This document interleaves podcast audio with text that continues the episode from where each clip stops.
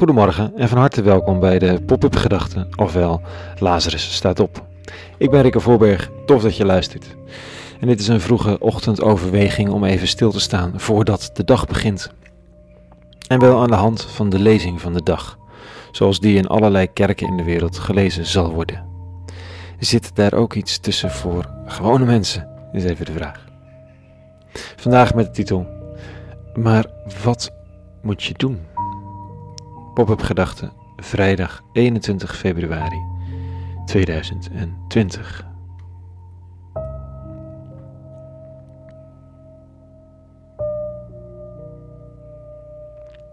Het zit er bij protestantse gelovigen ingeramd dat het geloof je redt, niet wat je doet.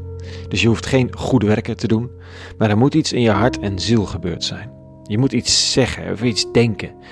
En dat daaruit iets volgt qua gedrag, dat, dat zal dan wel. Maar daar gaat het niet om, toch? Het is een verhaal van genade. Althans, dat is de bedoeling. Niet een contract met een lijstje ja, goede dingen die je moet doen, waarna een beloning wacht van eeuwigheid hemel, of wat je ook bij zoiets voorstelt.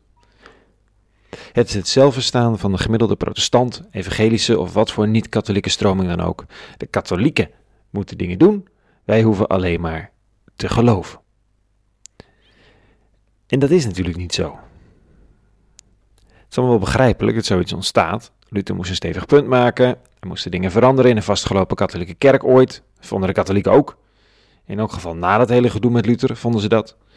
Maar dat wat je doet, dat dat irrelevant zou zijn, dat is een karikatuur van het verhaal. Genade is gratis, voor niets en alles. Maar het is natuurlijk niet goedkoop. Het is absoluut een verandering van het hart maar het is geen mentale denkoefening waarna de wereld zich zonder verder zichtbare verandering ontrolt. Juist in een tijd waarin velen zich afvragen of er nog enige relevantie zit aan het oude verhaal van christendom, en, en heel veel al lang besloten hebben dat er geen enkele relevantie meer in zit, is die handeling onmisbaar. Anders is het geloof ook dood, zegt Jacobus. En is dat misschien een vroege voorafschaduwing van de grote Friedrich Nietzsche, die het net anders zei en een soort van treurig beweerde dat God dood is?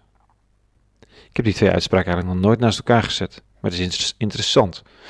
God dood, geloof dood. Nou, dit zegt Jacobus over de dood van het geloof. Broeders en zusters, wat baat het de mens om te beweren dat hij geloof heeft, als hij geen daden kan laten zien? Of zij, hè?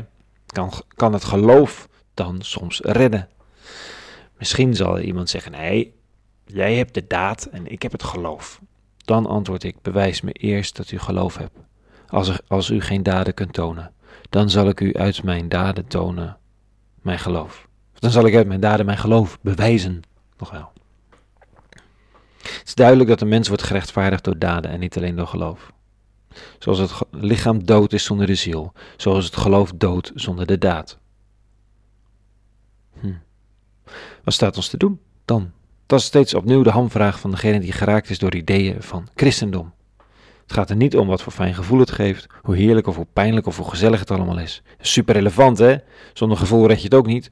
Maar zonder de daad gaat ofwel het geloof, ofwel God zelf dood. En dat is voor de menselijke perceptie hetzelfde. Het zit er bij me ingegrift sinds ik met kunstenaars werk. In de handeling ontdek je wat je gelooft of waar je voor staat. Het is niet zo dat hetgeen je doet of maakt of voortbrengt enkel een uitdrukking is van een voorgevormde gedachte. Het doen zelf brengt je tot inzicht in wat je eigenlijk zat te denken of te voelen. Het was een van de redenen voor we gaan ze halen ooit. Je kunt niet kamperen in zo'n vluchtelingenkamp, zoals we dat deden met Pasen 2016, en dan naar huis gaan en er geen consequenties aan verbinden. En dan zijn er heel veel dingen mogelijk, hè? Maar wij starten met we gaan ze halen, refererend aan de beloftes van eerlijke verdeling over Europa. En pijnlijk genoeg hebben we vandaag bekendgemaakt dat we gaan ze halen wordt opgeheven. Nou, je kunt wel iets doen, maar het ondertussen luchtfietserij is geworden omdat er in Europa elke politieke wil ontbreekt om tot een gezamenlijke constructieve oplossing te komen, ja, dan wordt het roepen van we gaan ze halen een van de werkelijkheid losgezongen leus. Een soort geloof zonder daden, zo gezegd. Het opheffen van we gaan ze halen is een uiting van pijn en frustratie over wat we van Europa hebben laten worden met elkaar. En ook dat is een statement, een daad. En de volgende zal ook verwacht worden van ons. Maar wat dan wel te doen is de vraag. Het is zo dat vluchten, gastvrijheid voor vreemdelingen, beseffen dat je eigendom niet van jou is, maar die, dat je die hebt gekregen ten dienste van de anderen, zijn basiselementen van de grote godsdiensten. Geloof zoekt uitingsvormen. Niet eens om wat je, omdat je weet wat goed is, maar om te zorgen dat dat wat je gelooft ook werkelijk gaat stromen. Tot zover vandaag. Een hele goede vrijdag gewenst. En vrede, ondanks alles. En alle goeds.